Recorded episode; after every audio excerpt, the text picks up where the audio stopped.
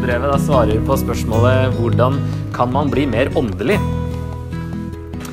Selv om ikke vi har samme situasjon som eh, kolosserne, så, så eh, er det kanskje vi òg tenker på det innimellom. Ja, som jeg sa, så er det, noe, det er mye Jesus her, og det er Jesus-sentrert, så det er nok noe feil med synet på Jesus i denne menigheten. Um, så det er Paulus må ordne opp i det. Og eh, vanligvis så tenker man at han sitter i uh, dette fengselet i Roma når han skriver, der han skriver mange brev. Efeseren og Filipperen og, og Filemon også. Eh, tidlig på 60-tallet. Han har aldri møtt kolosserne. Det er de og romerne han liksom aldri har møtt. Eh, han sier i Kolosserne 2.1 at eh, jeg vil at dere skal vite hvor hardt jeg kjemper for dere og for dem i Laudikea og for alle de andre som ikke har møtt meg ansikt til ansikt. Så det er eh, noen han ikke har møtt, som han skriver til her, da. Eh, historiske bakgrunnen, eller jeg kan nesten kalle den religiøse bakgrunnen, er det var veldig variert i, i eh, Kolossai. Det var jo i samme område som Efesus, så det var mye av det samme med alt mulig rart. Liksom. Men her var det kanskje spesielt Altså, det var jødedom overalt i Romerriket. Og spesielt i menighetene så var det alltid noen messiastroende Messias-troende jøder. Uh, og romerske guder var det overalt. Og så var det også disse mysteriereligionene som uh, spesielt i efeserne og, og kolosserne spiller en rolle. og fordi ordet mysterium brukes også ekstra mye i efeserne og kolosserne. Fordi de hadde sånne mysteriereligioner. Og spesielt var det en gud som het Mitras, som bildet her at han driver og en okse han driver og tar livet av. Skal i hvert fall være det han har gjort og blitt kjent for. liksom. Så de hadde um, sånne kulter der de gikk gjennom sånne merkelige ritualer. Og da annet den Mitras-kulten så var det de skulle få masse sånn okseblod over seg, og det skulle liksom hjelpe på et eller annet uh, åndelig innsikt. Um, så han Mitras han uh, ga lys og frelse mot demoner og mørke. Han var herre over de dødes sjeler og var allvitende og overalt. Og så møttes de i huler, disse som var i sånne mysteriekulter, underjordiske templer, der det var sånne nivåer der man steg i gradene ved å mestre fysiske og åndelige utfordringer, sånne som hete, kulde og farer. Og så var måltider var sentralt. Man kunne praktisere andre religioner samtidig, så kanskje er det noen som eh, påstår det. At de kan eh, eh, tilbe Jesus samtidig som man var med i en sånn her, eller drev med andre ting. Og gjennom disse ritualene så prøvde man da å oppnå en dypere relasjon med en gud. I dette tilfellet så er det da Mitras. For å få åndelig tilfredsstillelse. Det er mye av det samme som i Efesus, som vi har sett på der. Um, mye stress med å oppnå sånne ting. Her er et bilde fra en sånn underjordisk sak, der de samla seg og gjorde mye rart. I mørket under jorda. um, så i Kolossebrevet så vet ikke om dere la merke til det, men det er uh, Paulus snakker om altså, Det er så mye rart her, virker det som, at man har liksom bare prøvd å samle det opp til noe som man kaller den kolossiske vranglære, som virker som det besto av veldig mye rart som var sånn en blanding eller synkretisme av, av, veldig mye. Paulus sier at de holder på å bli lurt av visdomslære, eller han sier eh, dette sier jeg for at ingen skal lure dere med sine overtalelseskunster. Og eh, pass på at ingen får fanget dere med visdomslære og tomt bedrag. Så det er noen som kommer med ting som eh, Paulus mener er lureri. Pass dere for det.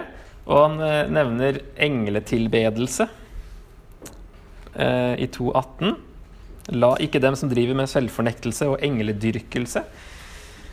Eh, selvfornektelse kan jo være det som vi også kaller for askese. Det med at man liksom skulle bli mer åndelig ved å fornekte fysiske Altså mat, eller eh, mishandle seg sjøl, eller eh, ja, sånne ting som man kanskje tenkte hadde noe åndelig hensikt å drive med. Og så snakker han om grunnkreftene i verden. At det er også noe som eh, Eh, altså den visdomslæren og tomt bedrag som stammer fra menneskelige overleveringer og grunnkreftene i verden, og ikke fra Kristus.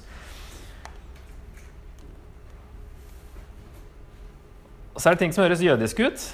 Eh, omskjæring og matregler og sabbat og nymånefeiringer, som han nevner i kapittel 2.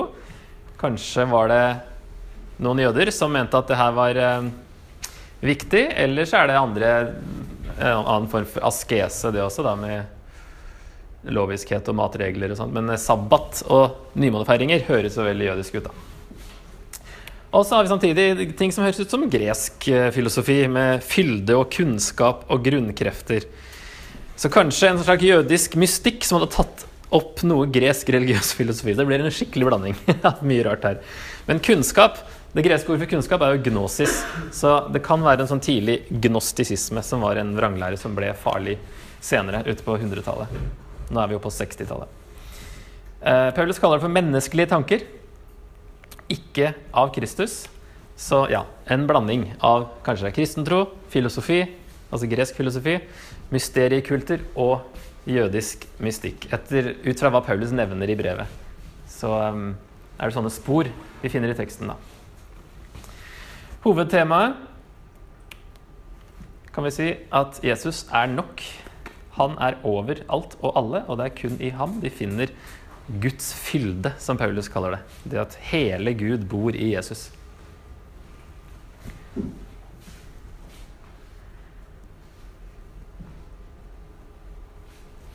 Derfor er det Jesus-sentrert, dette brevet. Her har vi en slags oversikt, så du ser litt mer hvordan gangen går. Introduksjon og takkebønn som vanlig i starten. Og så er det et fokus på Jesus med en gang, som universets sentrum. Så snakker Paulus om hva han lider, og sin tjeneste for menigheten. Og så eh, blir han liksom mer praktisk til eh, Retter seg mot kolosserne, hvordan de skal leve ut troen og motstå presset fra alt dette her rundt dem. Og så snakker han om det gamle og det nye mennesket. Det at vi har kledd av oss det gamle, kledd på oss det nye. Hva vil det si? Og så en avslutning, da. Det er ikke så veldig langt brev, egentlig. Eh, det er ganske mye avslutning. og da begynner vi liksom å slappe av litt i tolkningen. For det er sånn der jeg skal hilse fra han og hilse til hun og sånn. Så kjernen er nok her i kapittel eh, to og tre, da. Og som oftest, da, det som er gøy med sånne takkebønner i starten, det er jo at du får hint om hva som er temaene. Hva Paulus kommer til å snakke om. Eh, ting som han nevner der, er tro, kjærlighet og håp. Det er jo en sånn triade som vi har hørt om før. Tro, håp, kjærlighet. Eh, men det han snakker mest om, er uh, kunnskap, visdom og takknemlighet. Selv om kjærlighet òg dukker opp senere. Men det er sånn, han nevner ting her som dukker opp senere.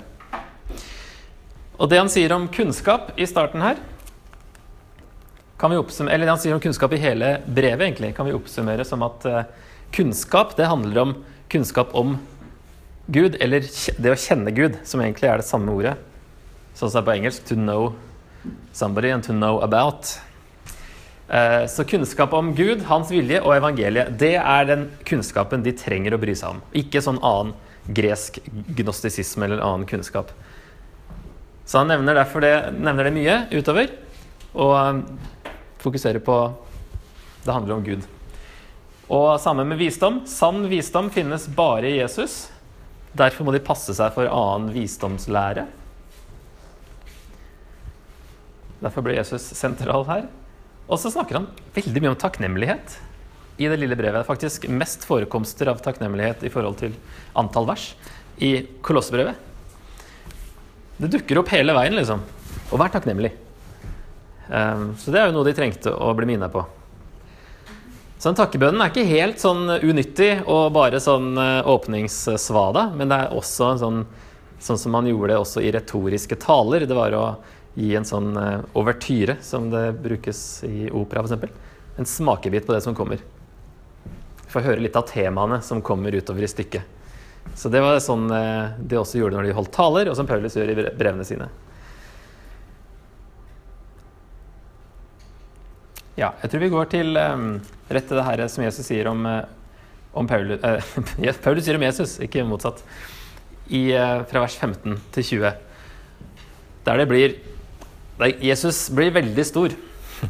Han er den usynlige Guds bilde, den førstefødte før alt det skapte. For i ham er alt blitt skapt, i himmelen og på jorden, det synlige og det usynlige, troner og herskere, makter og åndskrefter. Alt er skapt ved ham og til ham. Han er før alt, og i ham blir alt holdt sammen. Han er hodet for kroppen, som er kirken. Han er opphavet, den førstefødte fra de døde, så han i ett og alt kan være den fremste.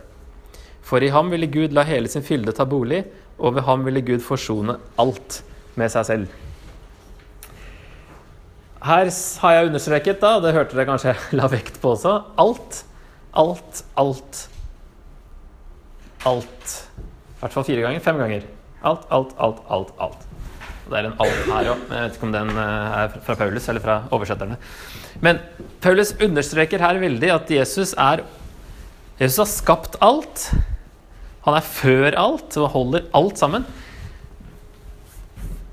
Eh, jeg tenkte egentlig, og for Sist gang jeg underviste kolosserne for noen år siden, så, så tok jeg en greie med Jehovas vitner sin versjon av dette her. Og det tenkte jeg det trenger jeg ikke gjøre nå. Men i går fikk jeg søren meg besøk av Jehovas vitner.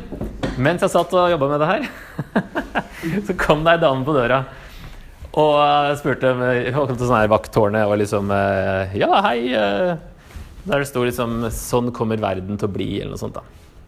Jeg lurte på om vi kunne snakke litt om det, og så sa jeg nei, jeg tror vi er ferdig snakka. Jeg har snakka nok med dere før, vi kommer ingen vei. Så hun lo litt av det, da. Og, og så nevnte hun et eller annet De er veldig flinke til å få i gang en samtale likevel, selv om du sier liksom nei. Så biter de på alt hva du sier, for å fortsette å snakke, da. Uh, og så sa hun at uh, uh, Nei, altså vi, vi tror jo bare på Bibelen kom det, jeg husker ikke hvordan vi kom dit, da, men hun sa det. Og så sier jeg ja, eller deres oversettelse. Og så, Å, jaha, liksom. Jeg vet ikke om hun later som hun ikke vet at deres oversettelse er annerledes enn vår. Men uh, i hvert fall så lurte på noen eksempler, da. Og så nevnte jeg bl.a. det her. At der har dere vært utrolig frekke og satt inn andre hver gang Paulus understreker at Jesus er før alt, og i ham er alt blitt skapt, så står det gang på gang nedover i den norske oversettelsen står det ingen hint om at de har satt inn noen ord. I den engelske så står, uh, 'other' i uh, klammer. Sånn at du får da, sånn at da skal du se liksom dette er for å, Det er sånn vi må forstå det. Men i den norske så er det ingen hint om at Paulus ikke skrev ordet 'andre'. Men for de så blir det da For i ham er alle andre ting skapt, fordi han sjøl er skapt først av Gud. Det er den store forskjellen. At Jesus er skapt, og han er ikke skaperen. Og derfor I ham er alt blitt Alle andre ting blitt skapt.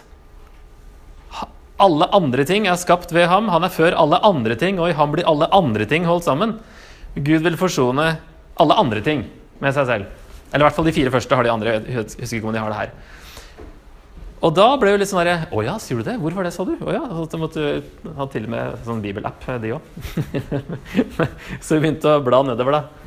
Men det virka ikke som hun var klar over i det hele tatt at deres oversettelse er helt på trynet her. Når Paulus virkelig understreker at Jesus er på skapersida av ting. Og så har de klart å få den til å bli skapning likevel. Og det er kanskje her Altså Jesus er den førstefødte. Det er det som er litt sånn eh, rart, da. Da tenker de ok, han er født først, han er skapt først. Men den neste setningen blir jo helt eh, Sånn som Paulus skrev den, så henger det ikke det sammen med det at Jesus har skapt først. For i ham er alt blitt skapt. Det har ingenting med at han ble skapt først å gjøre, i så fall, hvis det er det det betyr. Det ordet brukes egentlig ikke om eh, det å være født sånn bokstavelig. Det også kan være et uttrykk for å være den fremste, sånn som f.eks. Salme 89, 28, så sier Gud jeg vil gjøre ham, altså David, til den førstefødte. Han vil gjøre noen til den førstefødte. Han vil gjøre ham fremst, i, eller øverst, da, i rang. Siden Messias skulle komme fra ham, så vil han løfte opp David. Og Jesus er den fremste, for i ham er alt blitt skapt. It makes so much more sense, sånn som Paulus skrev det.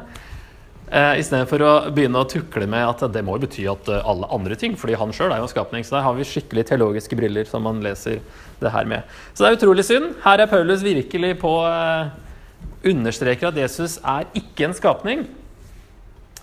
Men han er på skapersida av ting, og derfor kan vi kalle ham Gud. Det er liksom en veldig sånn grei linje. Skaper, skapning. Den som skaper, er Gud. Den som er skapning, er ikke Gud. Og Jesus er skaperen her. Så sier han hele universet er skapt i Jesus, og også jordiske og overjordiske makter. De trenger ikke å frykte noen åndelig makt dermed, som de jo gjorde i Kolossai. Alt er skapt i ham, ved ham og til ham. Det er veldig rart å si det, da, hvis ikke Jesus er Gud. Så er det rart å si at eh, alt er skapt i ham, ved ham og til ham, altså til hans ære. Og spesielt når Jesaja 44, 24 sier 'Jeg er Herren', altså Javé, Gud i Gammeltestamentet. 'Jeg er Herren som har skapt alt'. Alene har jeg spent ut himmelen. Uten hjelp har jeg bredt jorden ut. Og Det kom vi inn på i går med hun hos vitnedama. At uh, ja, det står at Jesus var eh, bygnings, uh, bygningsmester for Gud når han skapte. Så ja, det står at visdommen var det, og så går liksom Jesus inn litt som liksom oppfyller den der Guds visdom. da. Men i ordspråkene så står det om det at ordspråkene åtte, at uh, visdommen var med når Gud skapte. Men Gud sier likevel at han skapte uten hjelp fra noen. Og eneste logiske eh, forklaring er jo at Jesus er Herren som skapte jorden uten hjelp fra noen. At Gud er treenig. Så her, Jesus er helt klart på skapersiden av ting, og ikke en skapning. Og dermed som sagt, kan han kalles Gud. Sier han han er før alt. Altså, han er før alt. Det er ikke at han var før alt. Han er før alt. Såkalt preeksistent. Evig. Og i ham blir alt holdt sammen. Han holder verden i gang. Etter å ha skapt den, så holder Jesus verden i gang. Han er hodet for kirken, og da ble jeg litt sånn slått av den konteksten som vi som menighet settes inn i her, når Jesus har skapt hele verden, er før alt, holder verden i gang, og han er hodet for kirken. Virker som Paulus setter menigheten ganske høyt opp på viktighetslista.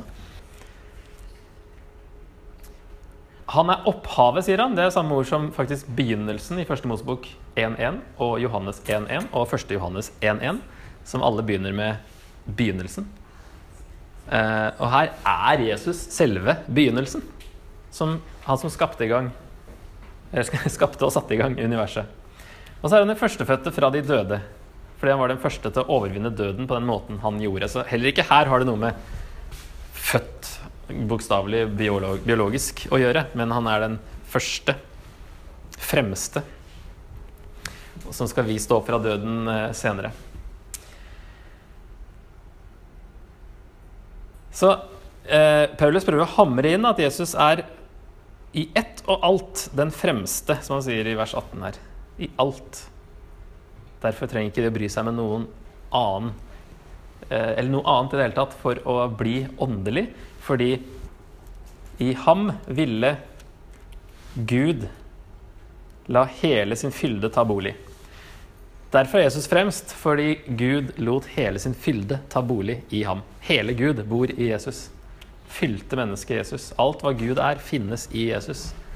Dette blir en skikkelig sånn tale, kjenner jeg. Sånn forkynnelse her.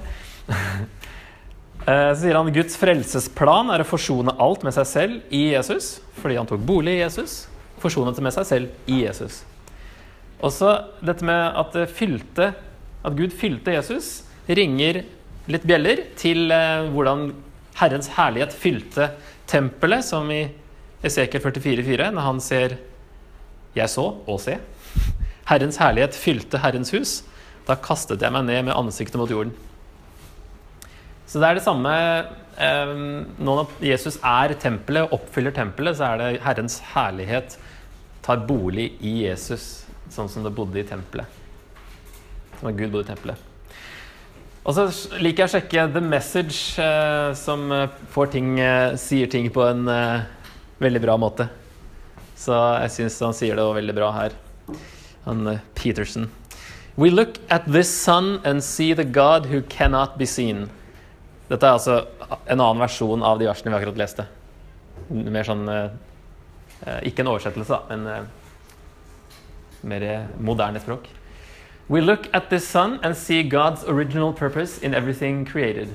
For everything, absolutely everything, above and below, visible and invisible, rank after rank after rank of angels, everything got started in Him and finds it pur- its purpose in Him.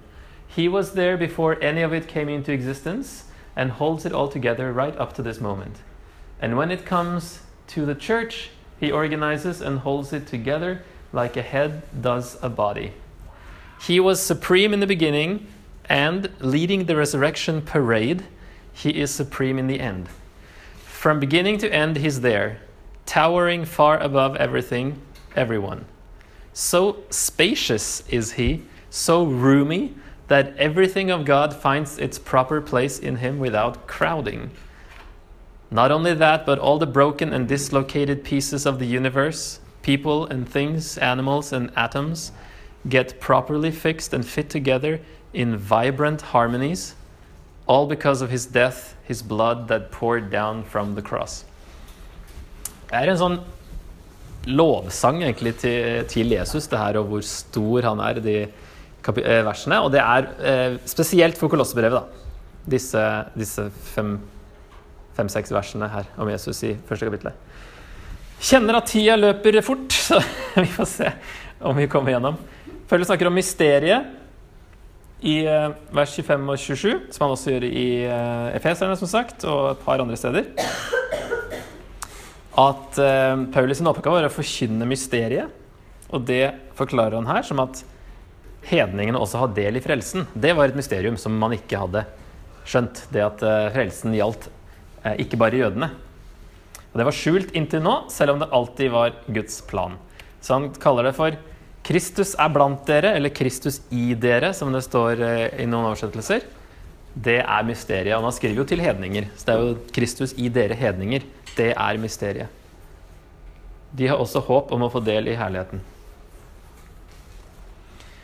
Dermed er alle mysteriekultene verdiløse. Det store mysteriet med stor M er nå åpenbart at de også kan få del i frelsen i Jesus. Det er det eneste de trenger å bry seg om når det gjelder mysterier også.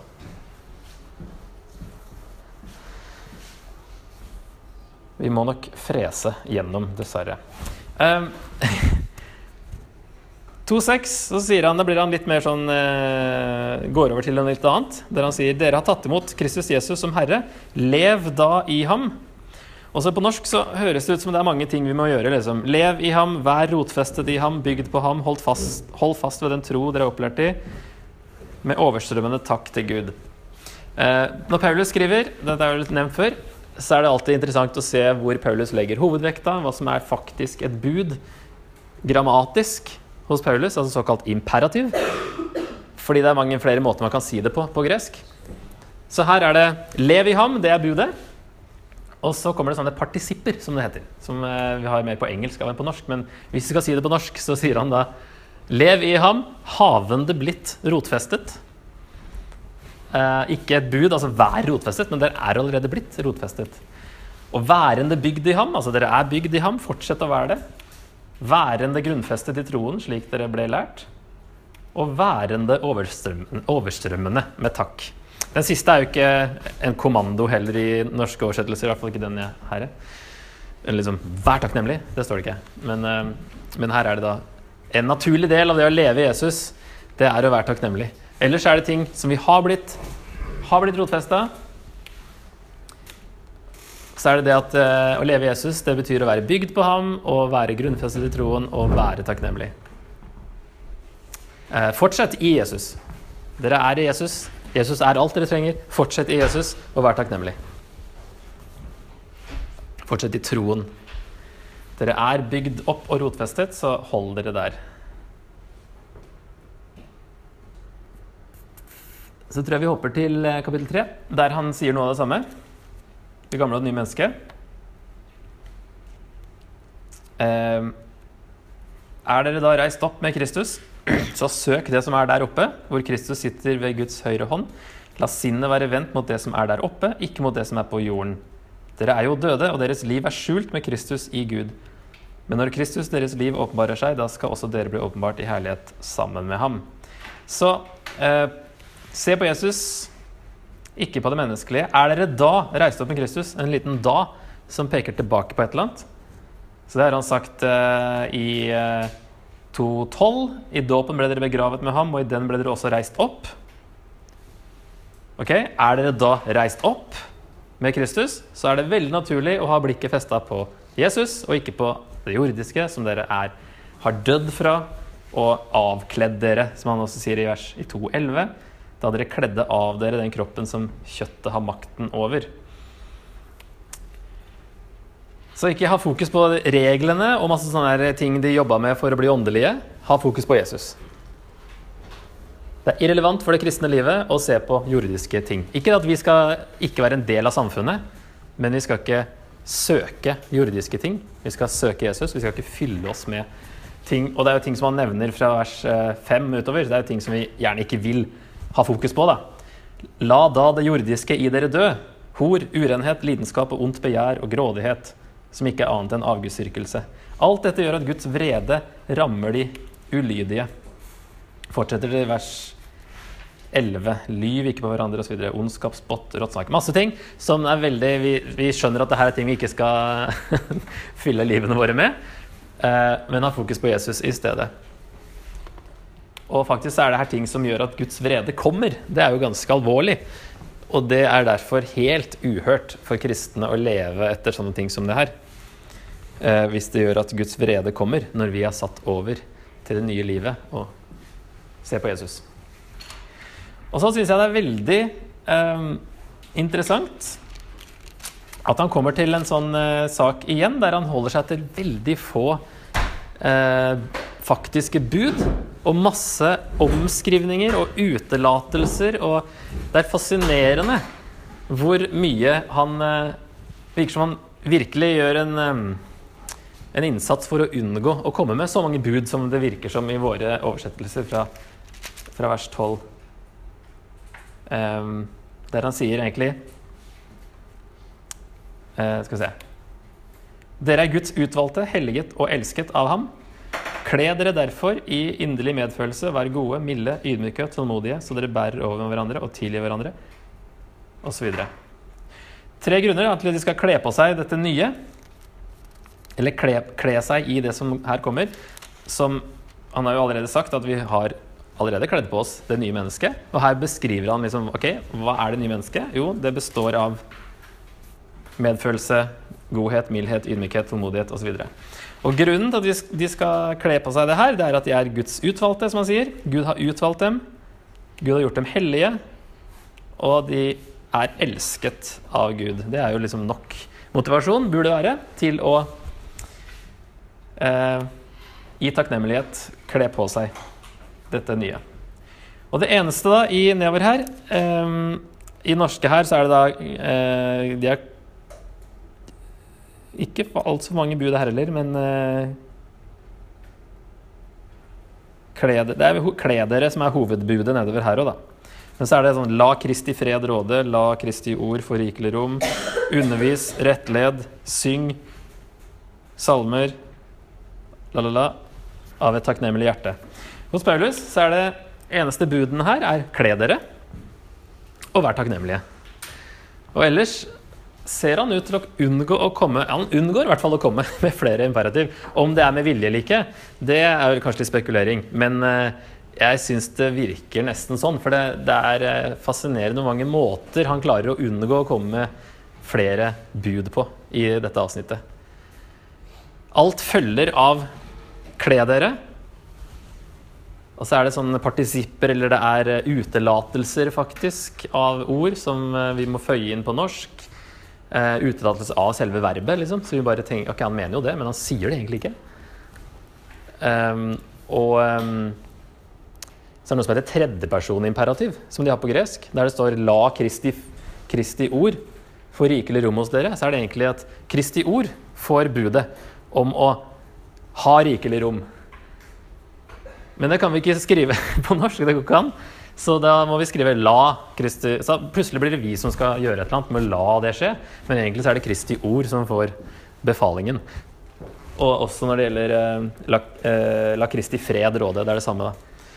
Eh, så sånne, sånne, ting. For en eh, sånn som meg, så er det veldig interessant å se at eh, det er egentlig bare kle på dere, vær takknemlig. Det er det som er fokus. Kle på seg Jesus. Resten er frukter eller følger eller beskrivelser av hva dette vil si, men det er ikke en rekke med bud, fordi det er avhengig av Jesus og ikke av deres egen kraft. Så det bedre alternativet til mystikk og ritualer og askese er å hengi seg totalt til Jesus og ha ham som kilden til all åndelig vekst. Det er samme poenget gjennom hele brevet, egentlig. Så um, kommer han med noen sånne avsluttende oppfordringer på, i vers 4-2 til 6. Vær utholdende i bønn. Våk og be med takk til Gud. Be også for oss at Gud må åpne en dør for ordet, så vi kan forkynne Kristi mysterium, det som jeg nå er i fengsel for. Be om at jeg må tale slik jeg skal når jeg gjør det kjent. At Paulus også må være i stand til å forklare mysteriet, evangeliet, eh, godt. Gå fram med visdom blant dem som står utenfor, og bruk den dyrebare tiden godt. La alt dere sier være vennlig, og la det ha salt og kraft, så dere vet hvordan dere skal svare hver enkelt. Her er det mye nyttig for oss også. Um, snakk vennlig, og med salt, men likevel sånn Altså, salt ble brukt til å um, Ikke for smakens skyld, for det, for det meste, men for å uh, konservere, heter det det? For at maten skulle holde seg, sånn som vi gjorde i Norge òg i gamle dager. Så det er jo noe med Det skal ikke være bare vennlig svada og aldri si noe si, som kanskje må sies, da. Um, sannheten må vi si uh, uansett. Bruk øyeblikkene. Kjøp den dyrebare tiden, står det vel egentlig. Uh, og ja Gjør det meste ut av øyeblikkene og mulighetene vi får. Tidløse santer har jeg bare to stikk på denne boka her. Fokuser på Jesus. Universets sentrum. Ikke la deg lure av noe annet. Han er alt du trenger. Og kle deg i Jesus og vær takknemlig. Ikke stress med åndelig hvordan vi, altså For å svare på spørsmålet hvordan kan man bli mer åndelig, så er jo svaret til Paulus helt klart Jesus. Trenger ikke noe mer. Og det er eneste, Der finner du kunnskapen du trenger, visdommen du trenger. All åndens velsignelse har vi, sier han i Feserne 1. Du er så åndelig som du kan få blitt, fordi du har Guds ånd. Eh, derfor er Jesus eneste vi trenger å tenke på.